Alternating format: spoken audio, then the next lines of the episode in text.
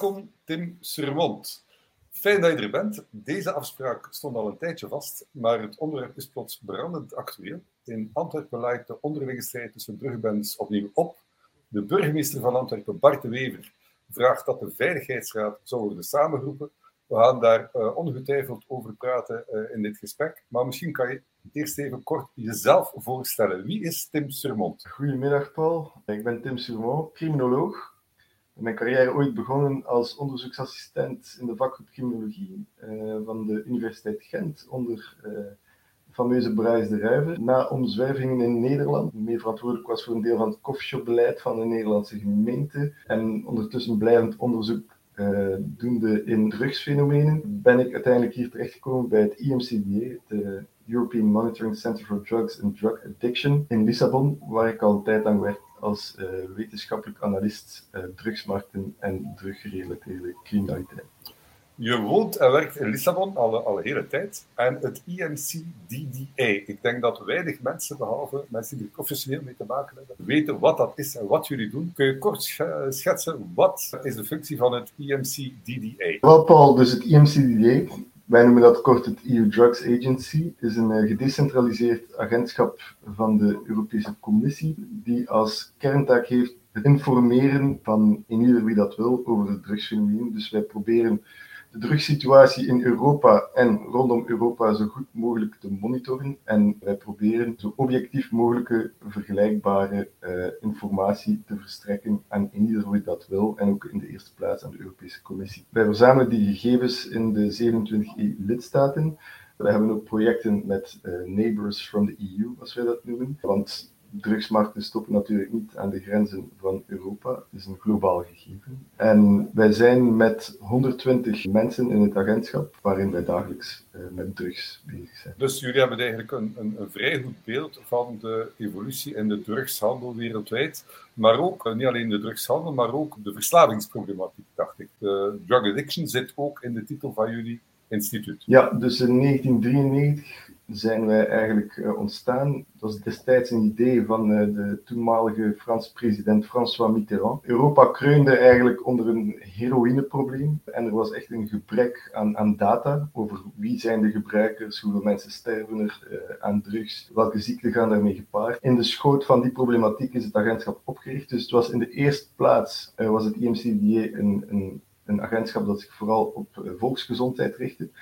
En naarmate uh, de tijd vorderde, dus vooral uh, het laatste decennium en ook al enkele jaren daarvoor, hebben wij ook meer en meer mandaat gekregen om de veiligheidsproblematiek op criminaliteit meer gegevens te verzamelen. Je sprak net over uh, drugsdoden, Tim. Ik las net een statistiek over Amerika.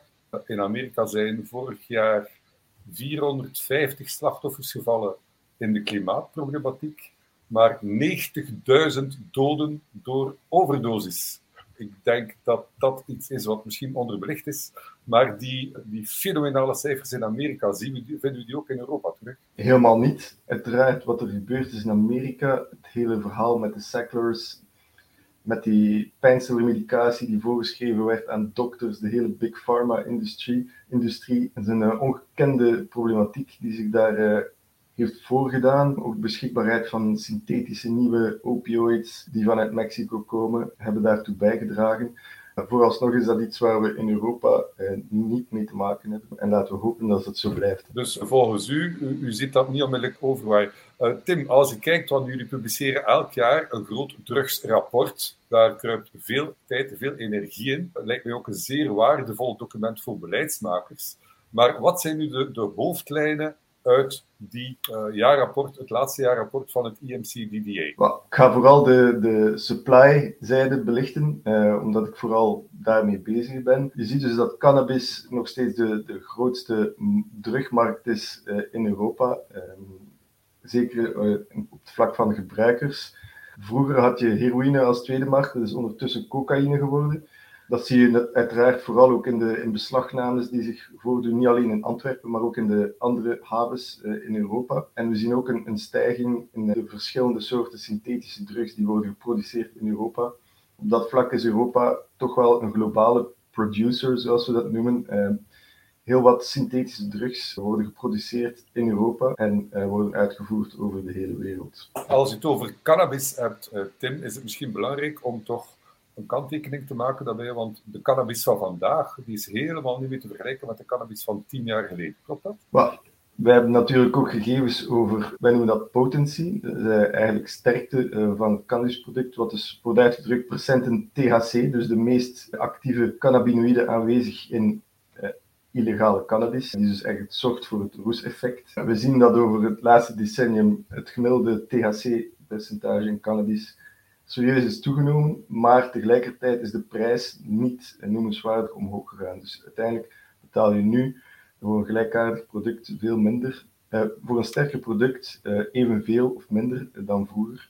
Wat de, wat de uitkomst daarvan gaat zijn op lange termijn, uh, kunnen we momenteel niet voorspellen. Maar de uitkomst, als je een product neemt die veel sterker is en die in prijs onbewijzigd blijft, dan lijkt mij dat toch een fameuze impact te hebben op het aantal verslavingen. Want ik laat mij vertellen door de mensen die in het veld actief zijn, dat er eigenlijk nauwelijks nog verschil is tussen harddrugs en cannabis met een zeer groot THC-gehalte.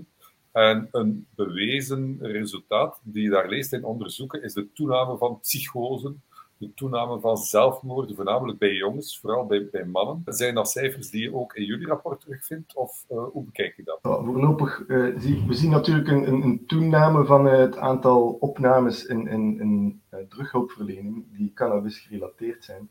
Toch zeker ook in vergelijking met vroeger. Ook in de eerste plaats natuurlijk omdat er door een iets meer liber, liberale visie op, op cannabis zijn ook veel meer mensen, er zijn ook veel meer mensen die het, die het uh, gebruiken dan, dan pakweg tien jaar geleden. Het is ook veel meer beschikbaar. Het is een segment waar, waar ik mezelf minder mee bezighoud, dus ik heb, ik heb geen precieze, kan niet precies de vinger duiden op de relatie met, met psychoses.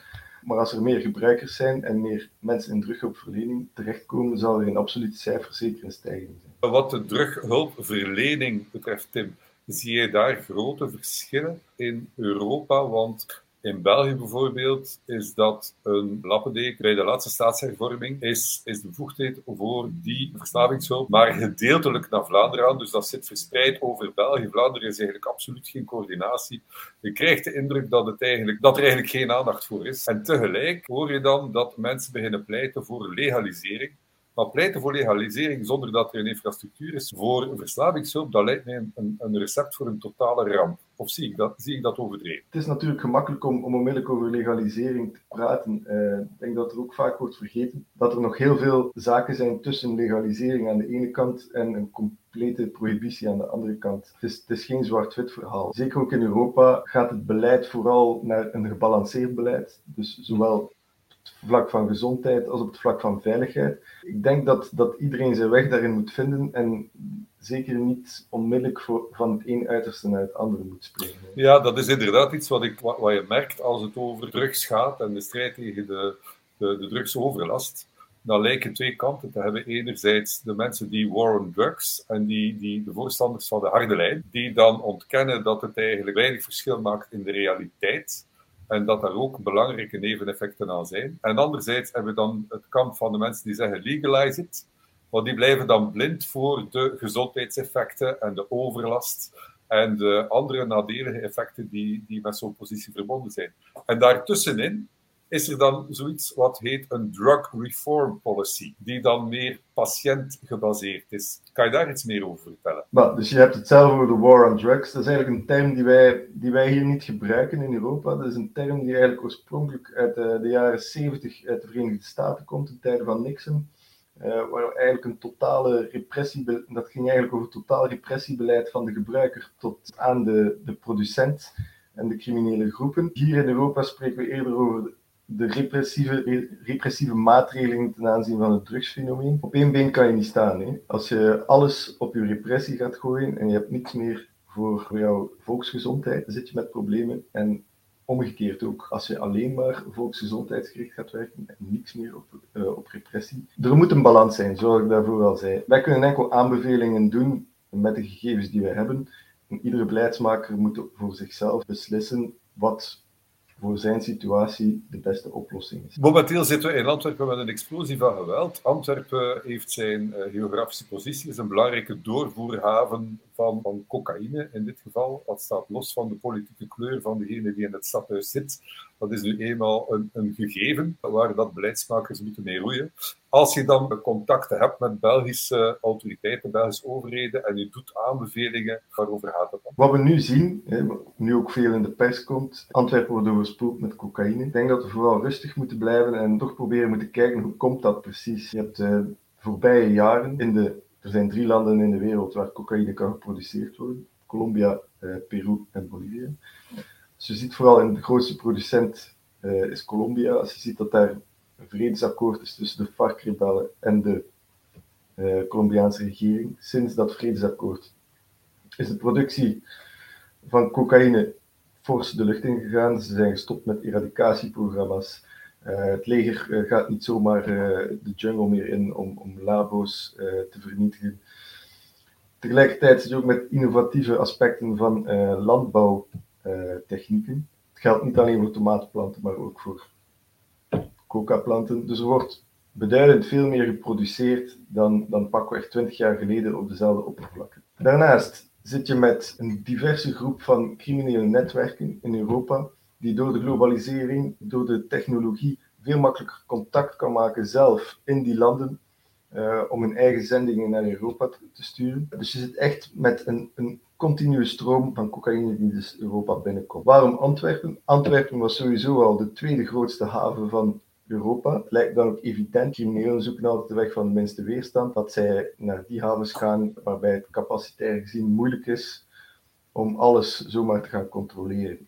Uh, Daarbovenop, Antwerpen is een heel belangrijke uh, haven voor fruit uh, dat uit Latijns-Amerika komt. Heel veel cocaïne wordt in fruitboten verstopt om de eenvoudige reden dat fruitcontainers heel snel door de haven moeten, omdat, ze, omdat anders het fruit rot wordt. Dat zijn allemaal zo van die details die, die wel een groot effect kunnen hebben. Je hebt Rotterdam heel dichtbij Antwerpen. Uiteindelijk tussen de haven van Rotterdam en Antwerpen is eigenlijk gewoon een grasveld, bij wijze van spreken, wat ertussen zit heel makkelijk voor criminele organisaties om daartussen te navigeren. Een ander effect dat ook kan meegespeeld hebben, is een gedeelde automatisering van de haven van Rotterdam. Een automatische machine kan je niet omkopen om een container op een andere plek in de haven te zetten. Het zijn allemaal kleine details die toch al meespelen, waarom dat er toch een steeds grotere aanvoer naar Antwerpen komt. Het ligt ook centraal in Europa. Het is uh, een makkelijke plaats om, om te distribueren over de rest van Europa. Wat niet wegneemt dat andere grote havens, zoals Le Havre, uh, Algeciras in Spanje, Marseille, ook te kampen hebben met verhoogde druk van cocaïne. Maar we spreken hier eigenlijk altijd over de logistiek en de criminele organisaties, maar misschien moeten we het ook even hebben over de afzetmarkt. Vragen we dan af, uh, dit drugsfenomeen, is dat een westers fenomeen of is dat een wereldfenomeen? Is dat een westerse ziekte? Of hoe zie je dat? Zeker in het geval van cocaïne, het heeft niet echt te maken met de westerse ziekte. Nee. Laten we wel wezen, de westerse wereld is, uh, een, van de, is de wel, een van de welvarendste delen van, van de wereld. Cocaïne traditioneel altijd een relatief dure drug. Uh, maar we zien natuurlijk over de laatste decennia dat de prijs van cocaïne eigenlijk vrij onveranderd gebleven is, los van inflatie en indexering. Dus wat dat eigenlijk betekent, is dat door de inflatie ook meer mensen zich dat kunnen veroorloven. Veel meer dan in, in andere delen van de wereld. Als je, als je in België 50 tot 70 euro betaalt voor een, voor een gram cocaïne, dat is nog altijd iets anders dan, dan 70 euro betalen in een minder ontwikkeld land. Dus die prijzen liggen daar ook ongeveer op dat niveau? Niet alleen dat, maar het kan zelfs nog zijn dat ze hoger zijn, ook omdat de aanvoer moeilijker verloopt. Mm Hogere prijs, plus in vergelijking met de levensstandaard nog veel moeilijker te verkrijgen. U hebt waarschijnlijk een goed overzicht met het opmaken van dat terugrapport van welke landen misschien succesvoller zijn in hun aanpak van de drugsproblematiek ik heb een tijdje geleden onderzoek gedaan voor een artikel in Doorbraak. En daar heb ik een beetje Zwitserland en uh, Portugal toegelicht. Zijn dat nog steeds zo, de twee voorbeelden op het gebied van aanpak van de drugsproblematiek? Of zijn er ondertussen andere bijgekomen die het goed doen? Kan je daar iets meer over vertellen? Het is natuurlijk moeilijk om te zeggen wat is een voorbeeld. Hè. Portugal heeft, doordat ze te kampen hadden met een enorme problematiek ook rond heroïneverslaving en drugsgerelateerde doden. Bezit en gebruik van alle drugs gedecriminaliseerd. Wat dus eigenlijk betekent dat je niet meer naar de gevangenis gaat als je in bezit bent van drugs. Dus het is niet hetzelfde als legaliseren, het is decriminaliseren. Dus decriminaliseren betekent voor kleine porties, voor persoonlijk gebruik, word je naar therapie doorverwezen en herintegratie in plaats van naar de gevangenis. Is het dat? Ja, dat klopt. Dus, uh, dus het is uit het strafrecht gehaald. Je kan in principe nog een administratieve boete krijgen. Uh, in praktijk gebeurt dat weinig en er wordt uh, gekeken of je problematisch gebruiker bent en dan word je verplicht in de terughulpverlening. Nu, dat werkt voor Portugal, maar dat wil dan niet zeggen dat het elders ook werkt. Uh, iedere situatie is anders, maar het is in ieder geval een mooi voorbeeld van hoe je kan spelen tussen legalisering en absolute prohibitie naar, naar verschillende mogelijkheden in, in beleid. Welke dat je moet kiezen, daar ga ik niet over. Dat, dat moet nee. iedereen op basis van de informatie die bestaat zelf beslissen. Ja, en dat heet dan Drug Reform Policy. Dat is eigenlijk een aanpak waarbij therapie, reïntegratie en gecontroleerde legalisering of decriminalisering centraal staat. En dat houdt zo'n beetje het midden tussen de zogezegde war on drugs en de, de totale legalisering. Dat zit er zo wat tussen. Maar het is eigenlijk met, met een belangrijke focus op de patiënt, zeg maar, hè, op, de, op de verslavingshulp en de reïntegratie van verslaafden, met, met een belangrijke rol in Portugal dan voor uh, mensen aan werk te helpen. Dat schijnt een, een zeer goede, uh, een van de meest efficiënte manieren te zijn om mensen uit de verslavingszorg weg te houden, zorgen dat ze een job hebben. Een job is één ding. Ik denk dat het is nog, nog steeds nog niet volledig mijn winkel, maar wat ik wel kan zeggen is dat, dat zeker de laatste jaren toch ook een visie is dat verslaving niet enkel, niet enkel iets lichamelijk is, uh, maar dat het ook een deel sociaal kan zijn. Om een simpel voorbeeld te geven, dagelijks worden mensen uh, in ziekenhuizen diamorfine toegediend. Dat is eigenlijk de, de, de medische vorm van heroïne. Dat kan, van een dat kan enkele weken zelfs zijn, als pijnstiller of na een operatie. Maar als mensen uit het ziekenhuis komen, hebben ze geen verslaving aan, aan heroïne. Mensen gaan gewoon terug naar hun dagelijkse leven, naar hun job, naar hun familie, naar hun vrienden. En eh, er is verder geen verslaving. Er is natuurlijk een, een, een lichamelijke component, maar je ziet ook meer bij, bij mensen die met verslavingsproblematiek kampen, dat er toch ook wel een sociale outskirt of society, toch een beetje teruggetrokken, minder sociale contacten, isolatie, dat het toch ook meespeelt in, in, in de hele problematiek. Dus verslavingsproblematiek is eigenlijk veel complexer. Is heel complexer is veel complexer dan, dan, dan een simpele, ik neem dit middel en uh, mijn lichaam gaat daar uh, onmiddellijk meer naar snakken. Het is allemaal iets complexer dan dat. Wat je zegt, had ik al uh, eens gelezen over Amerikaanse soldaten die tijdens de Vietnamoorlog aan verdovende middelen zaten. Dat kon van alles zijn, heroïne, cocaïne. Maar eens die mensen terugkwamen, was dat gebruik over. Wat een beetje de mythe ja. tegenspreekt dat het per se inherent verslavend zou zijn. Dus dat, daarmee wil ik zeggen, dat pik ik in op wat je zegt van de sociale of de, de, de, culturele uh, context van het moment. Maar uh, ik las ergens anders, naar aanleiding van een onderzoek voor het doorbraakartikel, dat 90% van de mensen die drugs nemen eigenlijk geen last hebben met verslaving, maar 10% wel en die blijven hervallen. Dus dat lijkt me toch iets die belangrijk is voor de verslavingshulp dat er daar een, een focus op de patiënt is, dat die blijft opgevolgd worden.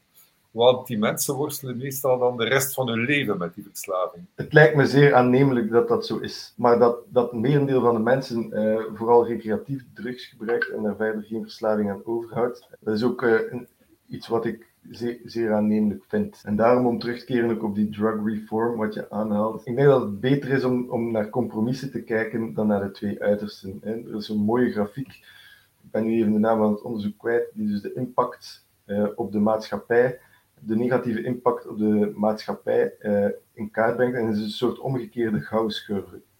Dus als je met een volledige prohibitie zit, zit je met een zeer negatieve impact op de maatschappij, ga je naar enige vorm van regulering, wel doordachte maatregelen en uh, zit je met een veel lagere impact. En dan naar een volledige vrije markt ga je weer heel hard omhoog naar die negatieve impact. Heel lang hebben alcohol en tabak aan het ene uiterste gezeten van, van die Gausscurve. Dus je ziet nu al de laatste jaren dat met tabak naar beneden aan het gaan is, maar bij alcohol nog steeds heel erg aan de rechterkant van die Gauss-curve zit. Ik denk dat het verbod op drugs, op opium, dat is maar van 1914. En het war on drugs is eigenlijk begonnen in 1932 met Harry Anslinger, die voordien voornamelijk die verantwoordelijk was voor de prohibitie. En de prohibitie viel weg En dan zat daar een enorme administratie. En zoals we allemaal weten, administraties verdwijnen nooit. Die zoeken een nieuw doel. En dat nieuwe doel werd dan de strijd tegen drugs in 1932. En dat werd dan de Federal Bureau of Narcotics. En toen, in 1970, met Nixon inderdaad, is die war on drugs in de stroomverstelling gekomen. Maar sindsdien is dat geëxplodeerd. Dus die, ik denk dat we vandaag kunnen zeggen in de, in de Verenigde Staten dat die war on drugs eigenlijk mislukt is. Uh, we zitten met een record aantal overdosissen. Vorig jaar 90.000. Dat zijn bijna oorlogscijfers. Het drugsgeweld neemt ook nog altijd maar toe. De, het aantal drugskartels is teruggevallen basically naar twee in Mexico. Sinaloa en de Jalisco uh, Nueva Generación. En dat zijn bijna paramilitaire organisaties. Die worden eigenlijk gezien als een bedreiging voor de nationale veiligheid in de Verenigde Staten. Ik spreek nu tot persoonlijke titel. Ik denk dat, het, dat de, de strijd niet te voeren is. Uh, een, een, een, een, maatschappij zonder drugs, ik denk dat dat iets is dat, dat, dat niet te, te verwezenlijken valt. Uh, ik denk dat het zaak is om, om de, de impact op ons zo goed mogelijk te, te stroomlijnen en, en zo laag mogelijk te houden. Ik denk dat we het meest gebaat zijn met zo weinig mogelijk leed dat het veroorzaakt en om dat zoveel mogelijk te kanaliseren. Wel, ik, uh, ik was getroffen door het verhaal van een undercover-agent in Groot-Brittannië, Neil Woods. En dat is iemand die uh, jarenlang undercover heeft geleefd om, en zijn leven heeft geriskeerd om drugsbendes op te rollen. En op een gegeven moment hadden ze dan de Burger Bar Boys in het vizier. Dat was een, een zeer, zeer gewelddadige drugsbende in Nottingham, in het Verenigd Koninkrijk. Die operatie is een succes geweest. Dus na jaren infiltratie is die Burger Bar Boys drugsbende opgerold. Er zijn 96 mensen gearresteerd. Ze zijn van de grootste drugsacties van de Britse politie geweest en een van de grootste successen. Wel, de drugshandel is daardoor twee uur verstoord geweest. Twee uur. En nadien, na twee uur, was er alweer cocaïne beschikbaar, was er eigenlijk nauwelijks, was het alsof die actie nauwelijks had plaatsgevonden. Maar het resultaat was wel meer geweld, omdat nieuwe drugsbendes vechten voor het territorium die vrijkomt. En eigenlijk meer winst voor de drugshandel, want de, de groothandel verkoopt een tweede keer.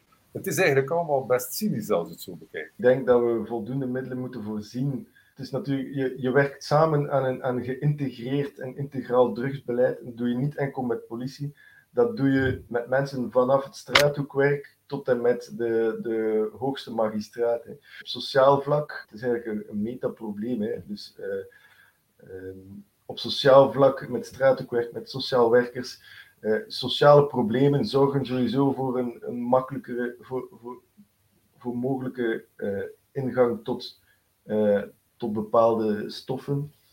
Dat is één kant van het verhaal. Je hebt in alle lagen heb je natuurlijk toegang. Maar zoals ik dus zei, de repressie moet er zijn. Je kan niet, uh, niet niks doen. Het is moeilijk om de, balans te vinden. En, en zeker na wat er gebeurd is enkele dagen geleden in Antwerpen. Mensen zijn kwaad. Hè. En dat is een logische reactie. Uh, dat is iets dat, wat niemand wil. Uh, wat er gebeurd is in Antwerpen, de dood van een meisje. Er worden heel wat emoties losgeweekt daardoor en er wordt geroepen om, om, om repressie. Ik denk dat het vooral zaak is om kalm te blijven en niet overhaast te reageren. Het enige wat je kan doen is samen zitten met alle actoren en, en proberen samen vooruit te gaan. Uh, en niet de balans uh, om het beleid uit evenwicht te halen, is niet echt een oplossing. Ik denk dat we allemaal samen ons best moeten doen en niet al de, de volledige burden bij, bij één specifieke partij, zoals bijvoorbeeld de politie. Om het interview af te ronden, Tim, zijn er nog belangrijke zaken uit uw uh, drugsrapport of uit uw ervaring die u wil meegeven wat dat deze problematiek betreft? De zaken die we zouden moeten uh, in het achterhoofd houden of die we moeten weten als we wat? nadenken over de aanpak van deze, dit, dit zeer complexe probleem waar geen eenvoudige oplossing voor bestaan. Ik zal vooral een beetje reclame maken voor uh, het uh, eh, IMCDA. Um, ehm, wij um, geven op geregelde tijdstippen nieuwe rapporten uit. Die zijn gratis te downloaden en te bekijken op onze website. We hebben vorig jaar zijn we begonnen met een module over cocaïne en metamfetamine.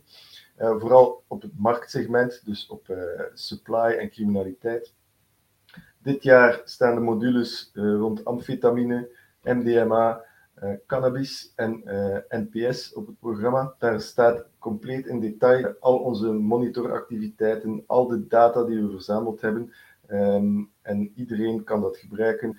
En als overheidsagentschap zijn we ook altijd rechtstreeks te benaderen met vragen en uh, zullen wij zeker antwoord dienen. Oké, schitterend. Voor meer vragen over drugsgerelateerde problematiek, uh, één adres EMC DDA, daar zit de Gentse Tim Surmont en die zit klaar om te antwoorden op alle vragen van beleidsmakers en dergelijke. Tim, mag ik u hartelijk danken voor dit interview.